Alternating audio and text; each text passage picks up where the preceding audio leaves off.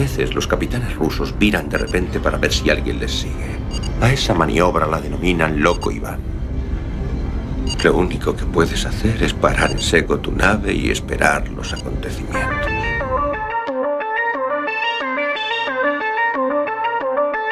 Yamasphere 347 of Space Patrol calling unidentified ship. Good night,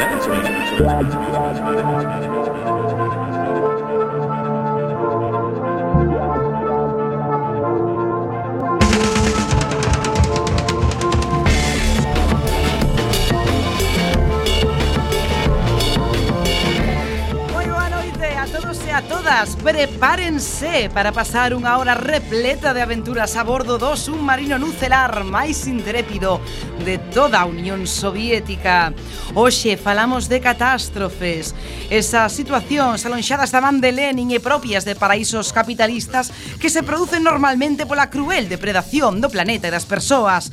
Analizaremos os acontecementos máis catastróficos na literatura, a música, o cine e os videoxogos.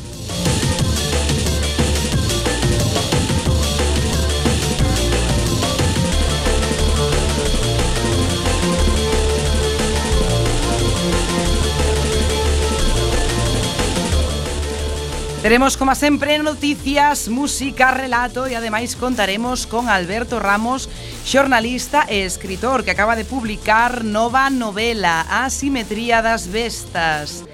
E todo isto non sería posible sen o señor Bugalov, ministro de Enerxía e Enriquecemento de Plutonio. Sempre a miña esquerda o camarada Lamelov, novo ministro de Deportación e Gulags. Boa noite, camarada, sempre disposto a deportar. O xefe de cociña Birnaren, ministro de Consumo Enriquecido. Boa tarde, ou boa noite, ou o que sexa. O tovarix Esmendrellev, ministro de Cultura Moderner de Mierder. Boas a todas e a todos. A camarada Beosca, ministra de Pandemias e outras cousas. Outras cousas, pois por aquí estamos. E Oci Guevara Castrovich, o noso invitado, camarada especial desta noite, ministro de Desinformativos. Hola, que tal? Encantado, nunca había estado en un submarino soviético. Pois é difícil entrar, pero máis complicado sair. Saúda vos, como non, a presidenta, perdón, a capitana esbletana Ibarruri. Isto é Loco Iván, comezamos. Comezamos.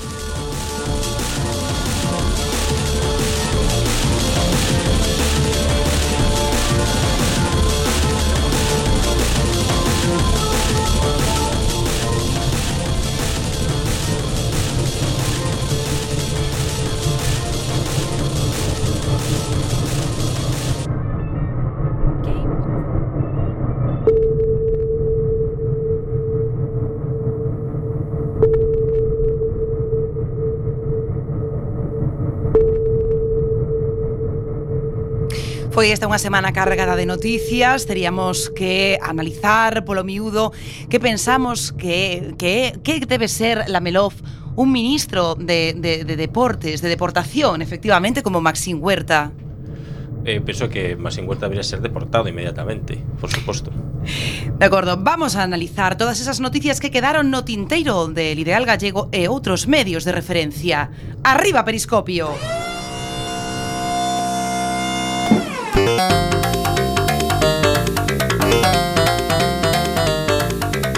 Cuac FM. Loco Iván. Periscopio.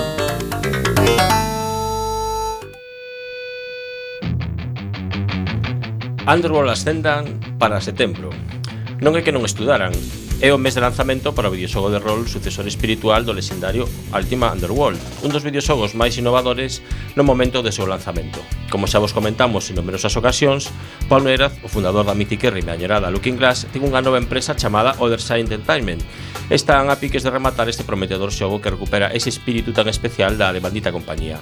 Sisilio, exploración, puzzles, masia e boa historia son as súas principais características e cada vídeo que lanzan é mellor que o anterior.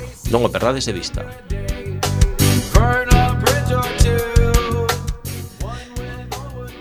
Sainalis mete medo. Desde as profundidades de internet chega este videoxogo de terror espacial do que case ninguén sabía nada, desenvolvido polo estudio eh, Rose Engine que basicamente está formado por unha parella de dúas personas, como normalmente son as parellas, curiosamente, ten un estilo retro cautivador e acaba de amosar un tráiler certamente sorprendente. Din que é unha historia de ciencia ficción de inspiración na obra de Lovecraft, encantanos Lovecraft e sobre todo a palabra Lovecraftiano. Por suposto, é Cthulhu ou... ou... Chocofugo, chocofugo. Claro. Está protagonizada por unha muller que se atopa dentro dunha estación espacial nun planeta abandonado da man de Lenin, onde as cousas non están demasiado ben, claro. E o que pasa cando non tes a protección de Lenin? Aínda non hai data de lanzamento, pero na web oficial xa anunciaron que preparan un crowdfunding para conseguir financiamento para o seu remate. Chega o Faneca Gaming Cangas do Morgazo, unha terra heavy onde a Sasa, celebrará a primeira edición do Faneca Gaming, o primeiro gran evento de videoxogos que se celebra en Galicia. Ou iso é o que dintes da organización, non? Bueno, pois será os días 20, 21 e 22 de xullo e haberá obradoirolos, hai sports, demos, cosplays, charlas e un montón de cousas. Non é unha party, xa sabedes, eses eventos do pasado que acabaron desaparecendo como a infame Campus Party, así que non tes que levar ordenador nin nada, aínda que poderás xogar os diferentes videoxogos se participas nos torneos ou nos postos que hai con máquinas de xoguete. Din que aspiran a ser un referente no sector e contan con patrocinio de diferentes institucións e tamén de empresas capitalistas de merda. Esperemos que poñan metal e non esas músicas horribles que soen poñer neste tipo de festas, sendo en Cangas do Morgazo igual temos sorte. Batwoman chegou a universo DC Renacimiento. Batwoman volta na saga Os moitos brazos da morte, na que a muller morcego Cat Kane viaxará á illa coreana a deter unha ameaza que se estende polo planeta. Batwoman enfrontarase non só ao mal, senón ao seu pasado, xa que anos atrás viviu aquí unha historia de amor tan complicada que acabou cunha enemiga, Safilla, e un, unha némese, Tahani. E xa de paso acabou tamén coa estabilidade social e económica da illa. Son cousas que pasan. Este cómic de mulleres poderosas e de forte personalidade inclúe tamén a Julia Pennyworth, que é amiga confidente, apoio logístico e militar de Batwoman. Un guión sobrio e uns debuxos austeros transmiten o malestar das protagonistas que viven o presente revidindo un doloroso pasado, nun cómic que está sendo ben recibido polo público e a crítica.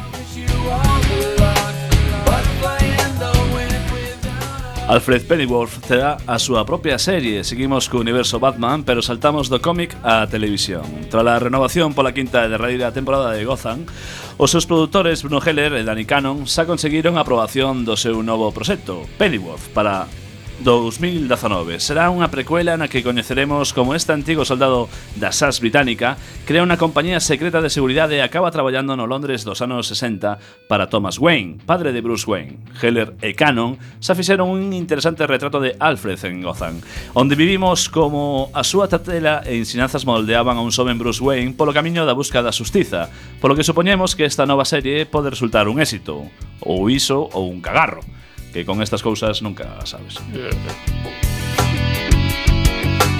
Haberá cuarta tempada de Rick and Morty. Sí! Yes. Viva! Oh.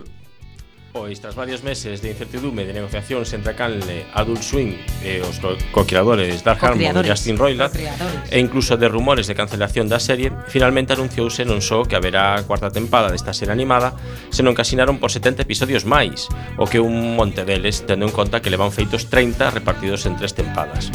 Agora a dúbida é cando sairá, porque cando a cousa todavía estaba no ar, había xente implicada na serie que aseguraba que a nova tempada non podería estrearse antes de finais de 2019 polo tempo que leva o proceso de creación e desenvolvemento dos episodios.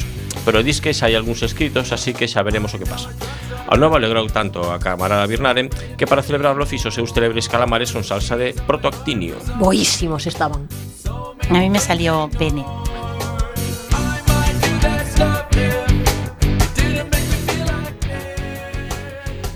Creative Assembly anuncia un videoxogo táctico O proletariado do estudio creador do glorioso Alien Isolation está a traballar nun novo título de acción táctica ambientado no universo de Alien.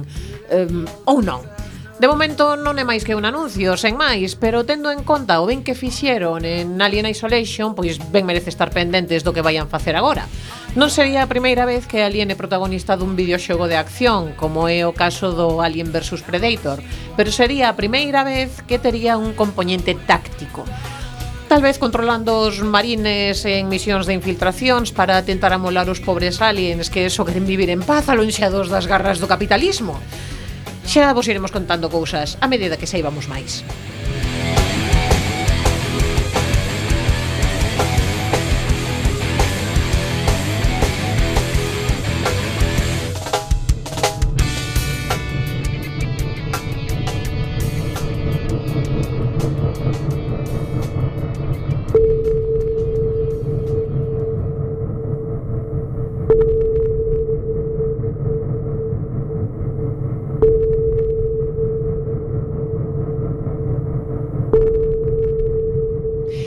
xa completamente empapadas de actualidade, como somos persoas de costumes fixas, temos que ir hacia ese lugar donde mm, o señor Bugalov toca o Ceremin e outras partes da súa anatomía e, e nos comentará unha canción que seguramente terá que ver eh, co tema do día, que son as catástrofes.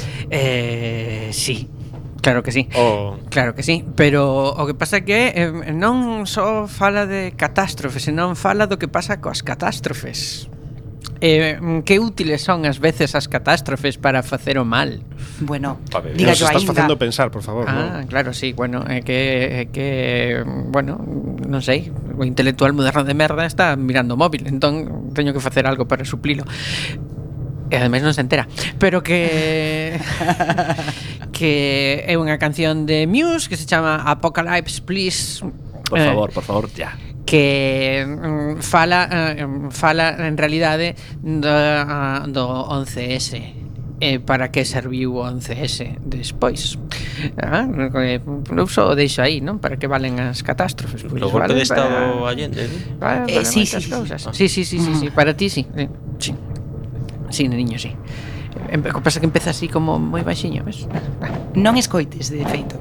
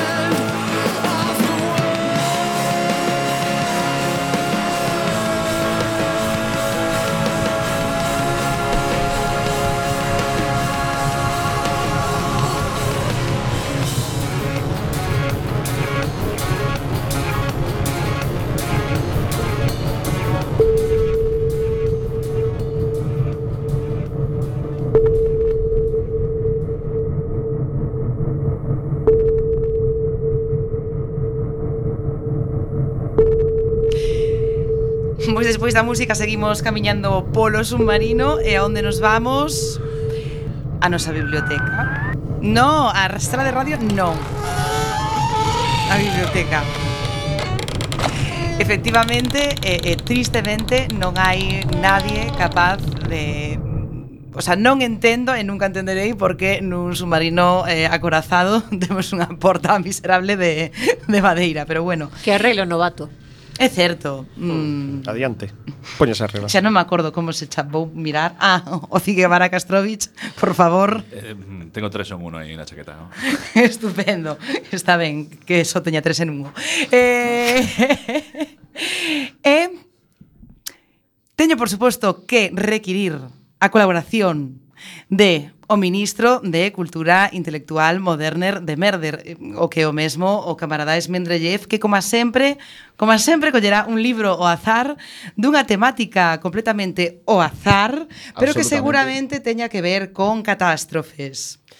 Bueno, pois absolutamente o azar saiu o, a novela Coitelo de Agua de Paolo Bacigalupi E bueno, pois esta novela trata nun futuro non demasiado afastado que empeza a haber problemas de verdade co cambio climático e Non que, como agora. Non como agora, que non pasa nada, dixo o primo de Cajoy. E tras séculos de sobreexplotación o río Colorado está a secar. Como entón, monelos como Monelos, exactamente. Entón a catástrofe obliga a que miles de cidadáns de Monelos, digo de Texas, teñen que migrar a zonas máis fértiles dos Estados Unidos, pero os estados deciden facer construir eh, muros, non, o mellor estilo de Trump, eh, sabedes que esta é ciencia ficción da boa, da, da que ninguén se imaginaría, para impedir a marea de refugiados que lles veñen en riba. Bueno, entón é bastante eh, non unha distopía, o sea, é unha realidade esta novela. Bueno, prácticamente, é unha realidade según para que país. Igual todavía non lle tocou a Texas, pero se lles vai a merda ao acuífero ese que teñen de auga fósil como pasa en California, van a pasar moi crudo en, en pouco tempo, non? Este é un apunte de intelectual moderno de merda. De intelectual moderno de merda.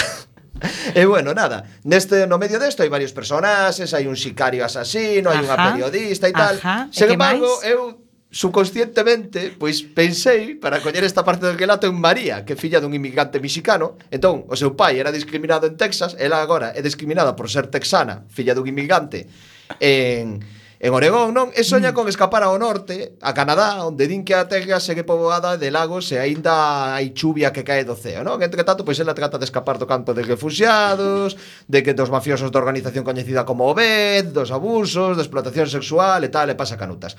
Non vou falar moito de Paolo Bacigalupi, porque é bastante coñecido dentro do mundillo da ciencia ficción, eh, escribiu a multipremiada A moza mecánica, que xa falamos dela en algunha ocasión, a, certo, certo. a bomba número 6, e a novela juvenil O cemiterio de barcos, que tamén está moi ben, Shapebreaker.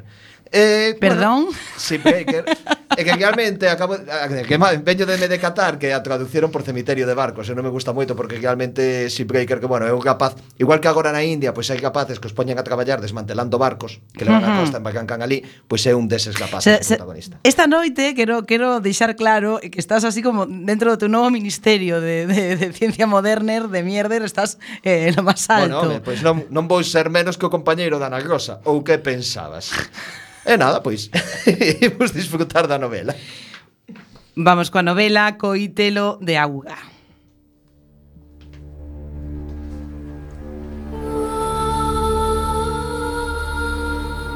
María se acuclilló con los pies afianzados a los lados del hoyo, con la nariz arrugada por la peste, abrió el, el, el clear sac y orinó dentro. Cuando hubo acabado, enganchó la bolsa en otra punta, terminó de vaciar la vejiga y se limpió con unos trocitos de papel de periódico que Sara y ella habían arrancado del río de sangre. Se levantó los pantaloncitos cortos y se apresuró a abandonar el cubículo, con el clear sec medio lleno en la mano, alegrándose de salir al turbio pero libre aire del amanecer. Tú, como va eso del alquiler? A María se le escapó un gritito y giró sobre los talones de golpe. A punto estuvo de que se le escurriera el clear sec de entre los dedos cuando se le enredaron los pies y se quedó despatarrada en el suelo. Vio a uno de los matones del Bet apoyado en la pared del retrete, oculto a medias por la puerta. Damien, gruesas rastas rubias y un ojo vago con el que miraba torcido a todo el mundo, el rostro perforado de hueso y plata, una tez pálida que se había quemado, bronceado y vuelto a quemar tantas veces que ya no era más que una despellejada colección de retales rosados, pardos y enrojecidos por el sol. María lo fulminó con los ojos. Menudo susto que me has dado. Los agrietados labios de Damien se partieron en una sonrisita taimada, orgullosa.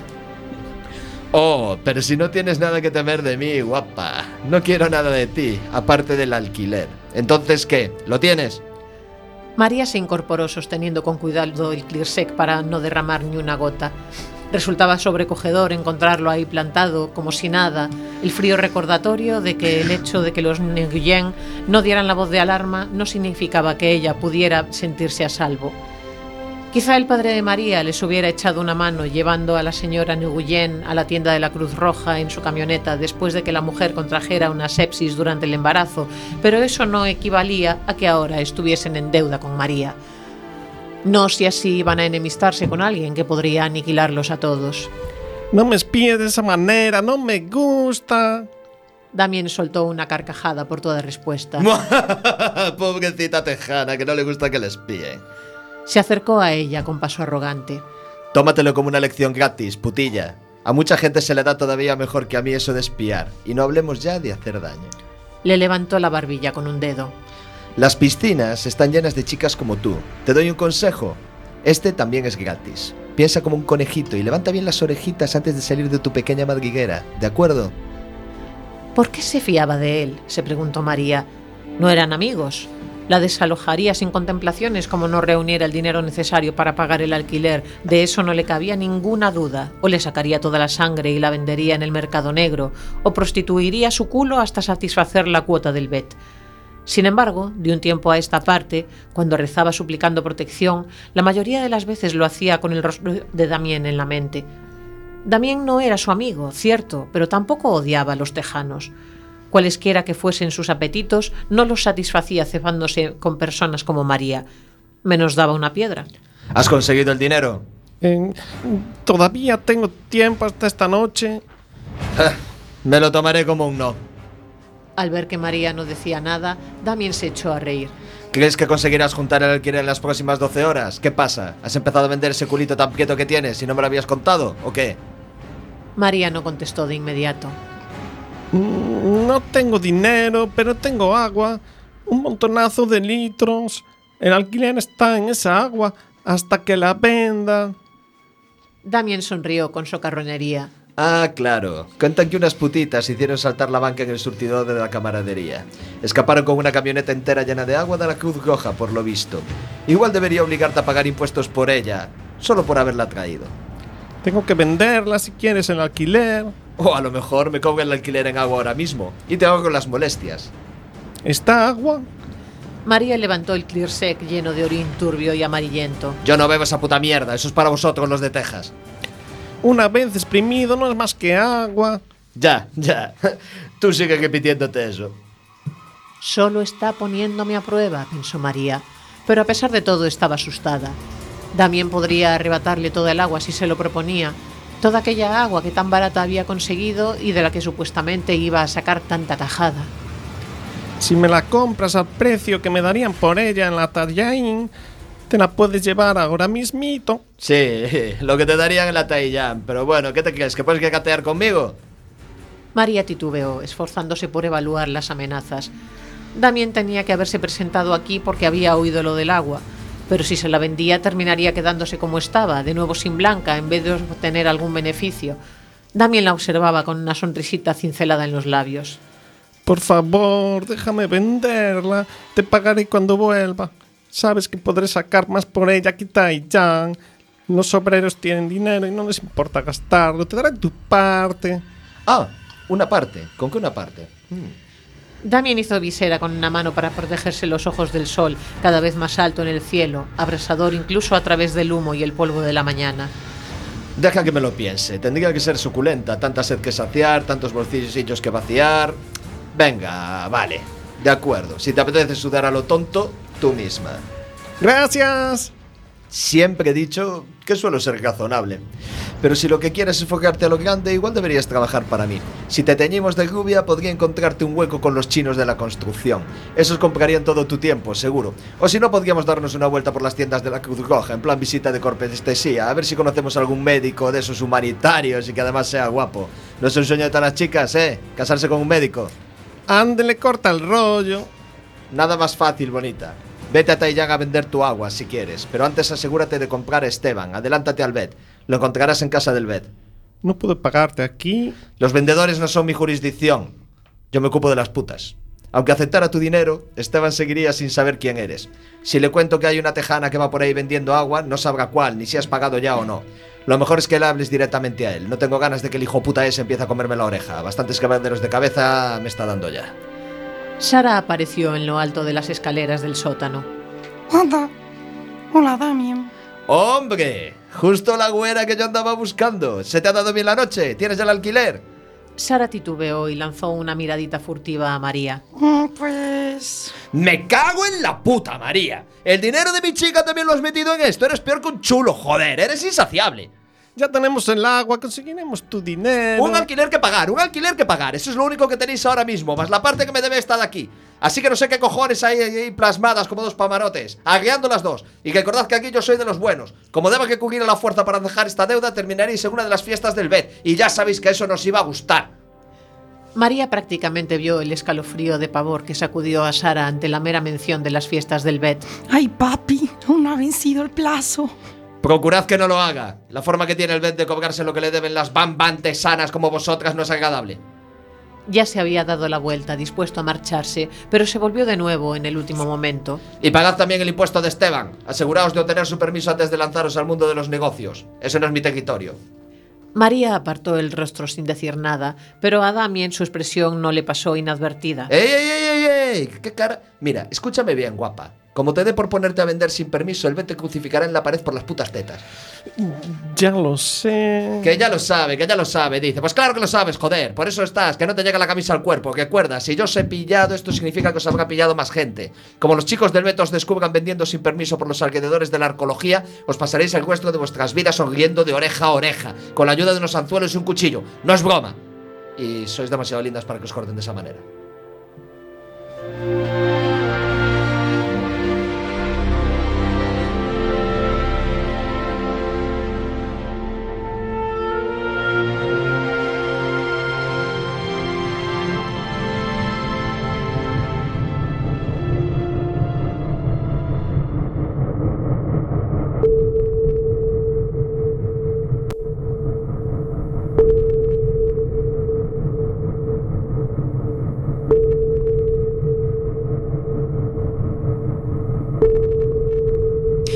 Bueno, e despois desta increíble interpretación do, do xefe de cociña Mirnaren, seguimos adiante e abrimos a escotilla do submarino para recibir a un xornalista exquisito, un dos escritores máis novos e máis laureados de Galicia na actualidade, e Alberto Ramos. Moi boa noite. Hola, boa noite. Alberto Ramos, eh, estivera vostede antes nun submarino soviético? Pois a verdade facía tempo que non, pero si xa xa coñezo. Ah, bueno, pois eh, ninguén soe dicir eso.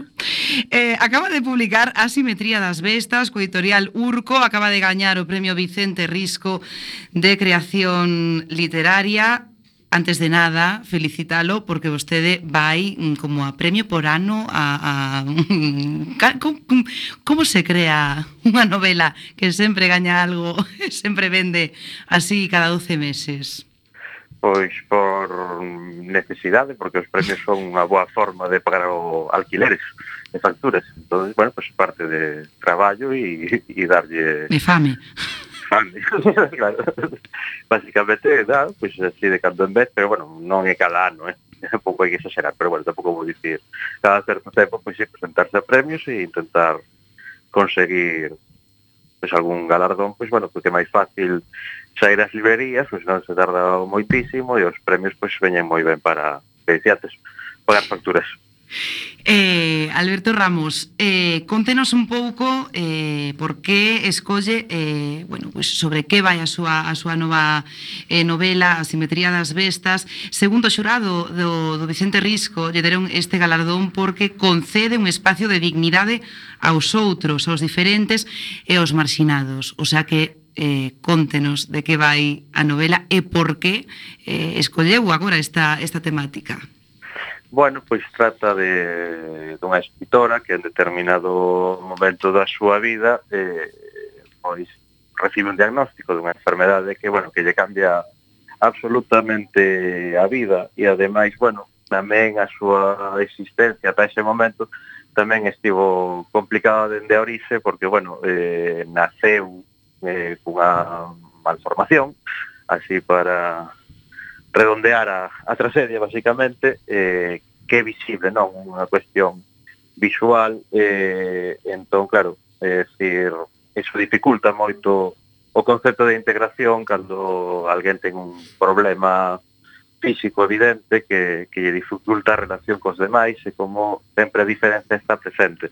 Entón trata bastante sobre ese tipo de reflexión, sobre a integración, e, e as dificultades que hai para integrarse, que, bueno, é un, o caso é extremo, pero supoño que todos temos certas diferencias, certas particularidades que nos dificultan encaixar en maior ou menor grado co, co mundo que nos rodea. Así é como resume rápido. Pensaba un pouco cando vostede fala pois unha persoa con cunha eiva, cunha minusvalía evidente, bueno, pois o tambor de hojalata, é un libro duro que vostede o que vostede escribiu. Eh, penso que sí, no, ás veces penso cada vez que teño que falar deste libro así de resumindo un pouco a sinopse e explicar tal, sempre acabo lembrándome de unha frase que decía Eugenio, aquí estoy con la alegría que me caracteriza. Al fin al cabo, non é un plato así, non é agradable, non, porque, bueno, tamén é bastante reflexivo, ten certo humor, un pouco escuro, pero eh, é un libro duro, eh, entendo que sí, porque, bueno, eh, si é unha persoa que empeza a súa vida cunha sabotaxe da natureza, é que en determinado momento da súa idade, cando eso non é que estea superado, pero si está asimilado, ven outra outra sabotaxe. entonces bueno, é que é bastante máis fastidiada, non?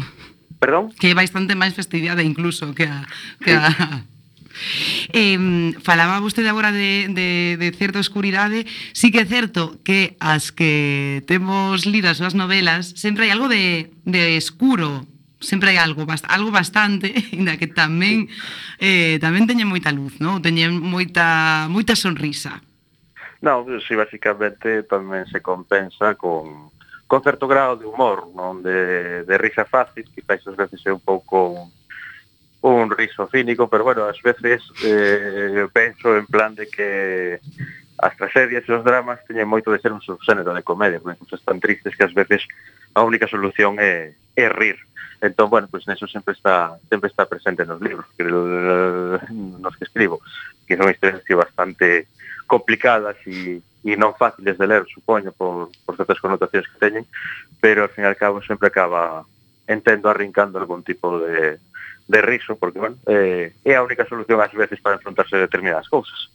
Bueno, e hai un libro eh, que especialmente dos das súas primeiras obras publicadas en 2012, Todos os días, uh -huh na que conta a vida de un xornalista que acaba de quedar en paro tras o ver en un, un xornal, nun xornal de Galicia, non?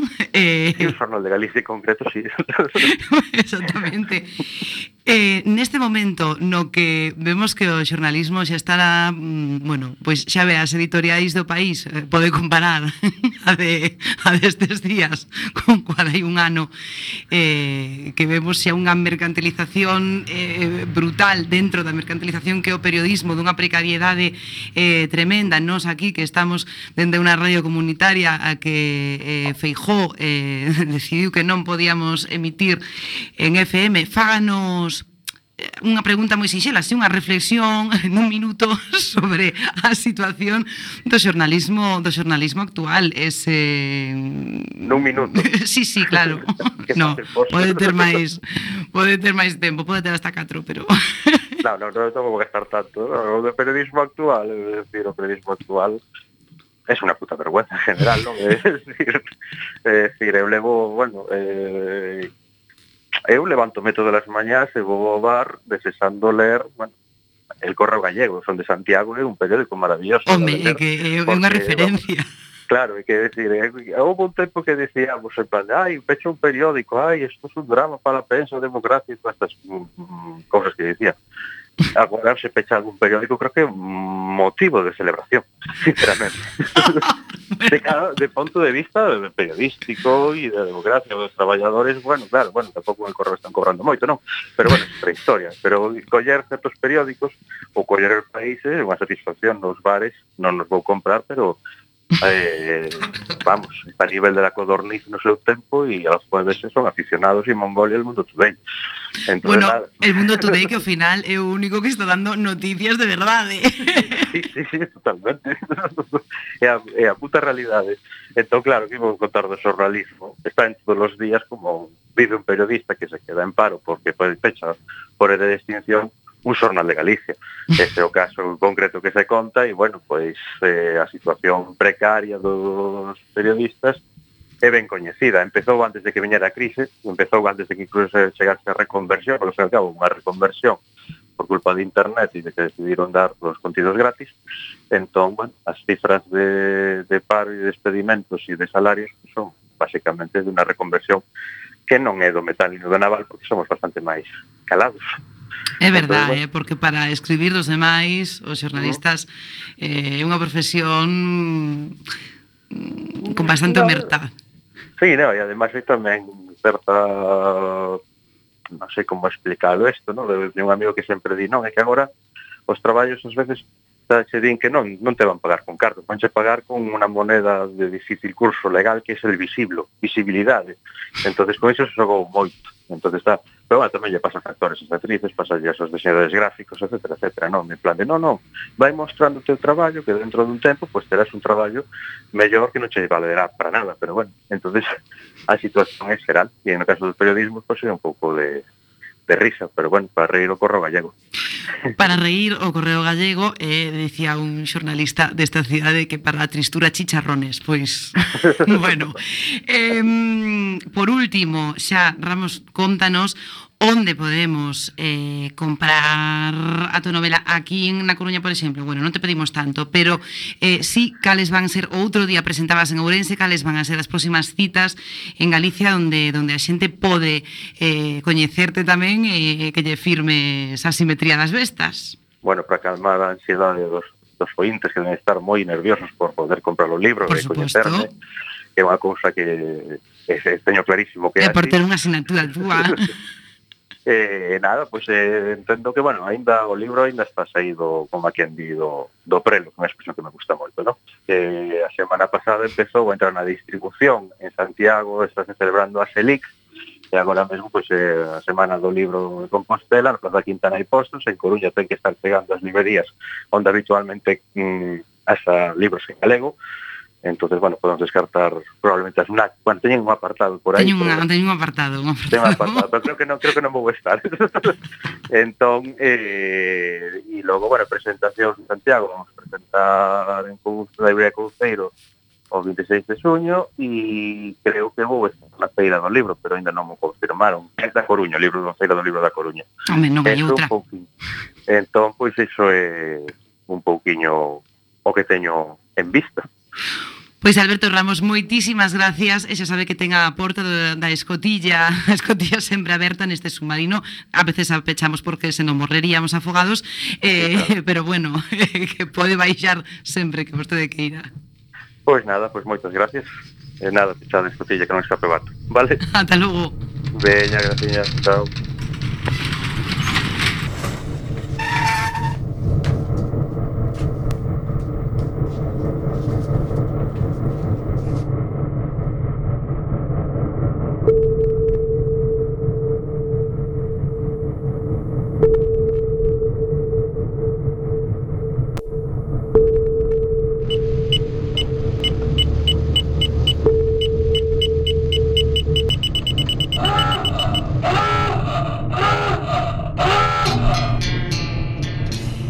Bueno, pois nos vamos xa a inmersión para falar de catástrofes en distintos ámbitos da vida. Comeza o camarada Lamelo. Sí, o cine de desastres, ¿no? Que non recorda. É un dos xéneros que competían por ter sitio no cine dos serán dos domingos, aínda que deu títulos que xa forman parte da propia historia do cine, como A Torre do Inferno, traducida aquí como Coloso en Lapas, A Aventura do Posidón ou Pretty Woman. No mundo dos videoxogos tamén ten forte presencia, xa que coa moda da supervivencia, a maioría deles pois sitúan a acción despois dun desastre desastroso, por non falar dos puramente pois apocalípticos, un tema que xa tratamos o ano pasado. Xogos como Secret Files of Tunguska, Solus Project, Archi coñecido de las Sofás ou o glorioso Stalker teñen un trasfondo catastrófico. Pero eu, como sempre, só quero falar de cousas que non lle interesan nin a Lenin. Por suposto. ¿Va todo bien por ahí? Algunos sensores reflejan cosas un poco extrañas. El nivel freático ha caído en los sectores y hemos perdido el contacto.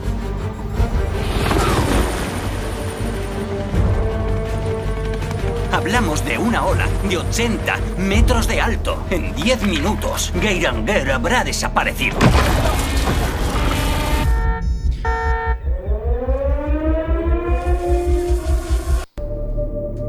anos as olas, a verdade que non son igual, as ondas de 80 ou 100 metros. O cine europeo en xeral é bastante diferente ao estadounidense, incluso nas películas de desastres, como é o caso de The Wave, a onda, unha película norueguesa, de Noruega mismamente, dirixida por Roar Udho. Notase ¿Perdón? que, eh, notase que noruegués porque só Birnaren é quen de pronunciar este nome. Por favor, Birnaren, pode eh, eh, ese nome que, que non ten localizado? ah, mm, Roar, uhau. Pode dicilo como se fora unha prostituta mexicana? Roar, uhau. Estupendo. Bueno, Sei un pouco xaponesa, pero...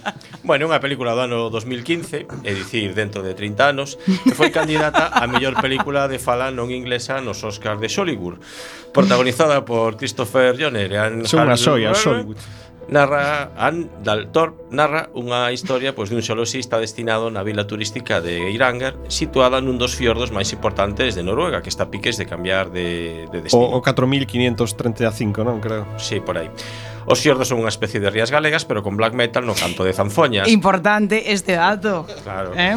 E máis angostas e con montañas elevadas nas beiras, así que, bueno, hai postos de vixiancia xeolóxica por se si houbera un desprendemento de terras que provocaría un tsunami devastador para todas as vilas costeiras.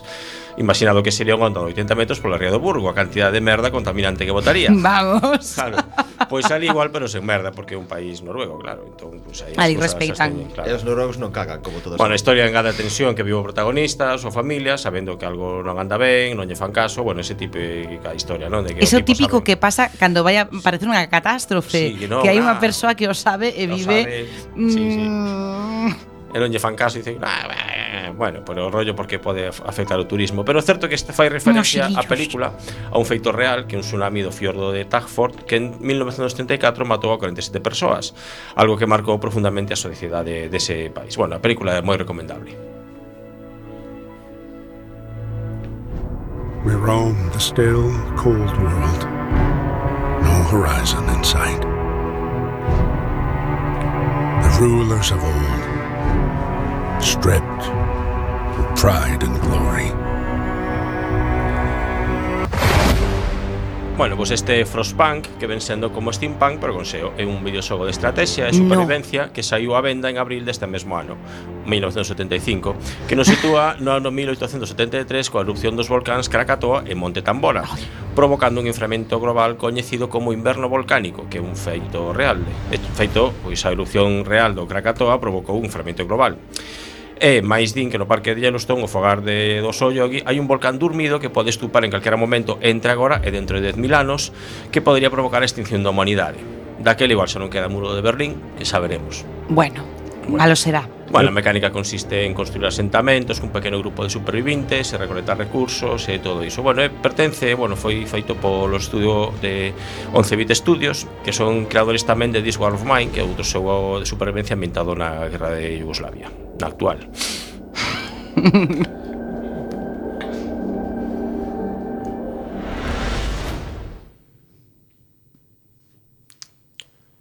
Bueno, e non quero rematar sen falar dun acontecemento catastrófico como Rusia é quen de facer. Trátase do evento de Tunguska, unha catástrofe sideral ocorrida no ano 1908 en plena época dos Tares, que como sabe de remataron como ten que acabar a nobreza. Uh -huh. Pois resulta que na zona do río Pozmaquenaya, na coñecida rexión de Tunguska, na Siberia profunda, tivo lugar ese ano unha explosión de 30 megatons de potencia, Ajá. algo brutal, tengo en conta que a bomba lanzada sobre Hiroshima tivo unha forza de 15 megatons. E no ano 1908... Poderíamos no crear un grupo de heavy que fora megatón. Megatons! Megatons, eh? os megatons. Pois pues, sí. máis Tunguska. Pois de pasto un área de 60 km de diámetro que sentiuse en todos os sismógrafos do mundo. Era, non era moi precisos daquela. Con testemunhas... Testemunhas como Birnaren. Efectivamente, Aquí comentando que a explosión tiña forma de fungo nucelar. Eh, daquela pois, oh. non sabía ningún o que O podo cociñar? Pois no. sí. Sí, penso que sí. O caso deu lugar a moitas especulacións estilo Iker Jiménez, pero o curioso é que o goberno dos Tares non fixo ningunha investigación, algo propio dos membros descerebrados como son ser os reis. Uh -huh. E non foi ata no 1921 cando xa co goberno soviético, Ay. home, como ten que ser, enviouse unha expedición a analizar os feitos, que posteriormente, sen estar demostrado aínda, atribuese aos restos dun fragmento do cometa Encke entre 40 e 190 metros de diámetro que estupou no aire, provocando esa tremenda explosión. E lembrade que hai pouco en Rusia pois, que hai outro meteoro que explotou e quedou registrado por moitas cámaras, eh, bueno, cámaras de válvulas, claro.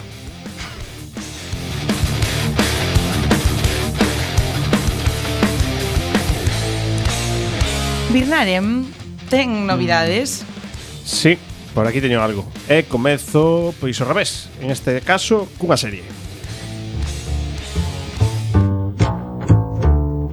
Ah, Seinfeld non, non é sempre. Freixir. Non é Freixir. Doutor en Alaska. Non é Alf tampouco. Doutor en Alaska. Si, sí, o comezo podería parecerse máis a Doutor en Alaska, pero neste caso é Tremé ou como a querades pronunciar en francés, en inglés, porque se pronuncia un montón de idiomas todo isto. Tremé. É, é unha serie de David Simon Que este probablemente vos soe máis É Eric Obermeier Que se traballou con Simon en The Wire E parece ser que tivo, bueno, viviu bastantes anos en Nova Orleans, en New Orleans. Bueno, que ten ah, que ver New Orleans. New Orleans. en este caso, pois New Orleans xa é bastante catastrófica de por sí, pero en este mm, o, o tema é que durante o Katrina en 2005 eh, bueno, pois ocorriu aí pois unha das maiores catástrofes naturais, pero a vez humanas, non? Porque pois fallaron os diques, inundouse todo Eh... Apuntaba que estaba apuntando eh, o, o, señor Bualov que eh, aí New Orleans foi doblemente golpeada primeiro por Katrina e logo por Josh Bush. Efectivamente, que, que gañou as eleccións non sabe ben como aínda. Eh, E, bueno, en este caso a serie eh, pois empeza tres anos despois do Katrina cando pois volve a a xente a intentar repoblar pois o que queda do, do barrio de Tremé.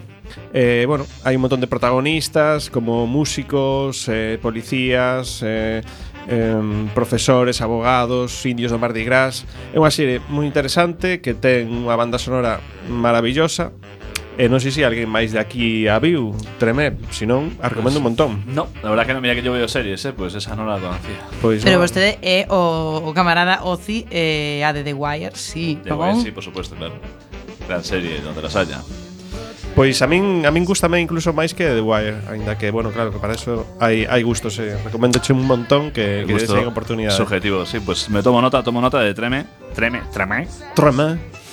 Como sea. Eh, Yo- pasamos, ah, bueno, Sí, ya, es simplemente un inciso. Terminé de ver The Americans, que terminó su última temporada y por dejar así una pincelada sobre Una pincelada sobre soviética. sobre una pincelada soviética, ¿no? De, de espías rusos eh, que están en Estados Unidos, eh, forman una familia, tienen hijos en Estados Unidos y ahí lo dejo. O sea, es muy interesante, una serie Lenta, pero interesante. Son americanos, entón, os fillos. Os hijos son americanos, eso. Soviéticos. Un soviético, padre soviético. pode nacer en calquera parte. Se nace soviético sempre. Como los vascos. Claro. bueno, pero non retrasemos máis a chegada da serie favorita de la Melov. Adiante. Bueno, non se escoitou moito o comezo. Aí está. Moi ben, esta é unha serie que, bueno, ten de título Pokémon A de Carlos Negreira. Efectivamente. Da corrupción, da corrupción na cidade esta, corrupción. Claro, por eso me pode interesar, que é unha trama así de corrupción. Sí.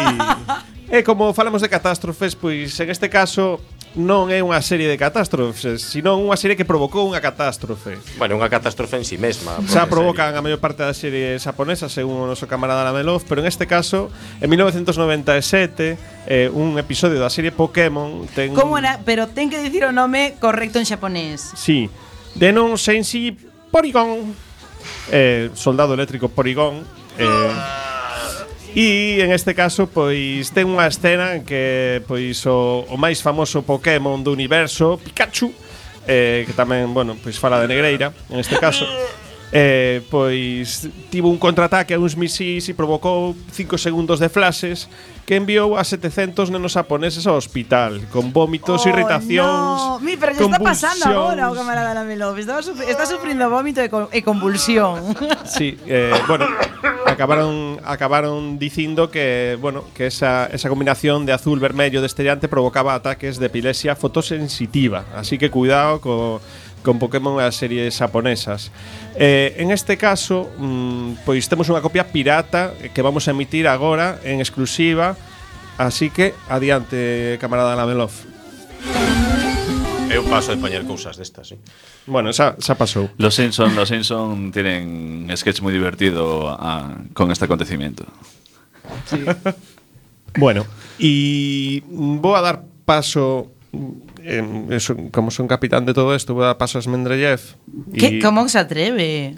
Ah, no, perdón, eh, a capitán eh, eh, eh, Oz, Ozi... Perdón, Acabamos de ver perdón. deportación ve, ve en directo. capitán Por eh, favor, tiren... eh, camarada, lamelov deporte a, a, este home tiña, porque tiña ganas sabe, de ah, no, un ministerio. Un momento, un momento porque o que está facendo é eh, unha interpretación seguramente, o que pasa que os ouvintes non o collen ben porque porque vostede se sentiu mal porque veo as cousiñas de Pokémon claro. e pensa que capitán, ah, que entrañable. Bien, siga, Sí, sigamos. pero deporte igualmente.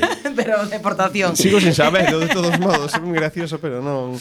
Bueno, Adiante, veos em, capitana. Mm. Pero vamos a ver, ti non tes que falar aquí o guión que non escribimos, eh, pon que falas de outra cousa agora.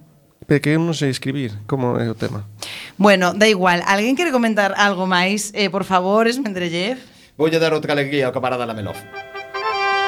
Que es isto? A ver se que coñecedes. Candy Candy. Por aí vai. 海は青く眠り Ah, Ni idea, amigos. Mazinger Z. No, o sea, que era esto Doraemon, no. No, el- eh, Conan, o neno do futuro, que é unha Buah. serie de Miyazaki boísima xa sabemos que un obxeto fermoso é unha eterna alegría. Esta serie de Miyazaki, pois é, é preciosa. Pero non explicarei a que ven. Antes quero comentar moi uh, moi rápido porque non non temos tempo xa tres novelas sobre catástrofes. A primeira a que sentou o xénero de Jerry Pornuel, El Águila Even, Os que tamén escritores que escribiran outras cousas a Palla no ollo de Deus e o mundo anel Escritores de ciencia ficción, non? Ajá. Chamase o martelo de Lucifer Ajá. É unha novela que se sacou aproximadamente en 1971 Aproximadamente non, estou no vento 1971 E fala basicamente de un satélite eh, espacial que termina caendo para destruir a Terra e do que pasa despois, non? É un pouco yankee Pero bueno, está moi ben, xa sabedes caos, destrucción, a xente que se volve caníbal, tiros por todas partes Vale a pena ver como el pensa que se desintegraría a sociedade, non? A segunda, da que me gustaría da que me gustaría falar, non?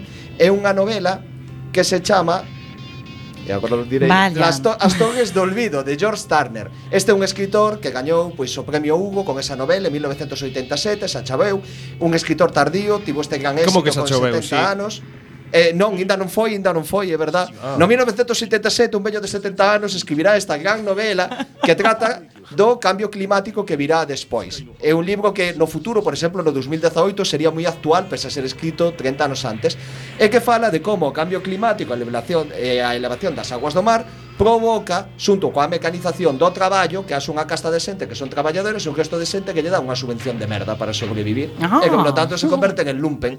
E vale la pena velo. E, por último, E para saber a que viña a esa maravillosa banda sonora da ah, serie de Miyazaki. Agora vamos a chegar a por agora que imos a por falar, que. si, sí, dunha noveliña, un contiño case moi corto, chámase A marea increíble. A marea oh, increíble, marea increíble. É unha novela oh, de ciencia ficción posapocalíptica. ¿Cómo que ciencia ficción posapocalíptica? ¿Qué estoy diciendo? María increíble. A Marea Increíble, é que é logo a Marea Increíble. Hombre, es una realidad. Coño, joder, o que me costou pillalo, estou lento. é normal, porque as cancións japonesas producen Deportación, ese efecto eh, bueno, da igual, continúe. Nada, pois... Pues Amaré es... increíble. Amaré increíble, novela de Alexander Key, publicada en 1970. Foi inspiración para a serie de televisión Conan, o neno do futuro, dirigida por Hayao Miyazaki, en 1978. Conta a historia de Conan, un capaz que vive só, co seu avó. Despois, nun mundo que xa está negado pola subida das augas, despois dun cataclismo producido por unha guerra, e que quere rescatar a catalana, unha capaza que é captada por industria, un montón de fillos de puta capitalistas que andan aí queimando gasolina. E din que ademais desta gran serie de Miyazaki, Tamén inspirou un gran truño coa boca pequena, porque nunca o admitiu o director da película, que é Waterworld, que me parece unha merda. No, y... sí, Waterworld. No, hai que reivindicar, Waterworld non é tanta merda, que pasa? Sí que é unha catástrofe. No, esa. peor era de Postman esta, esa é que de Postman. Ya tuviste valor de ver que Kevin Costner encanta a ciencia ficción, entón fai truños como pans de grandes novelas. Este pois é o caso. Haberá deportacións a mansalva. A ver a mansalva. Non no, no, no he podido soportar esta, este programa. Bueno, venga música boa, a do final. É o momento da despedida, o momento máis importante do programa no que comezou a elevar o ton. Pero como esta vez temos ao camarada Ozi Kastrovich, voulle deixar que faga a despedida do programa el e que invite a xente a escoitar o seu programa desinformativo os luns ou os luns ou cando os coiten, pero bueno, que, que despide. Ya no hay tiempo. Adiós, amigos. Gracias, gracias por la invitación.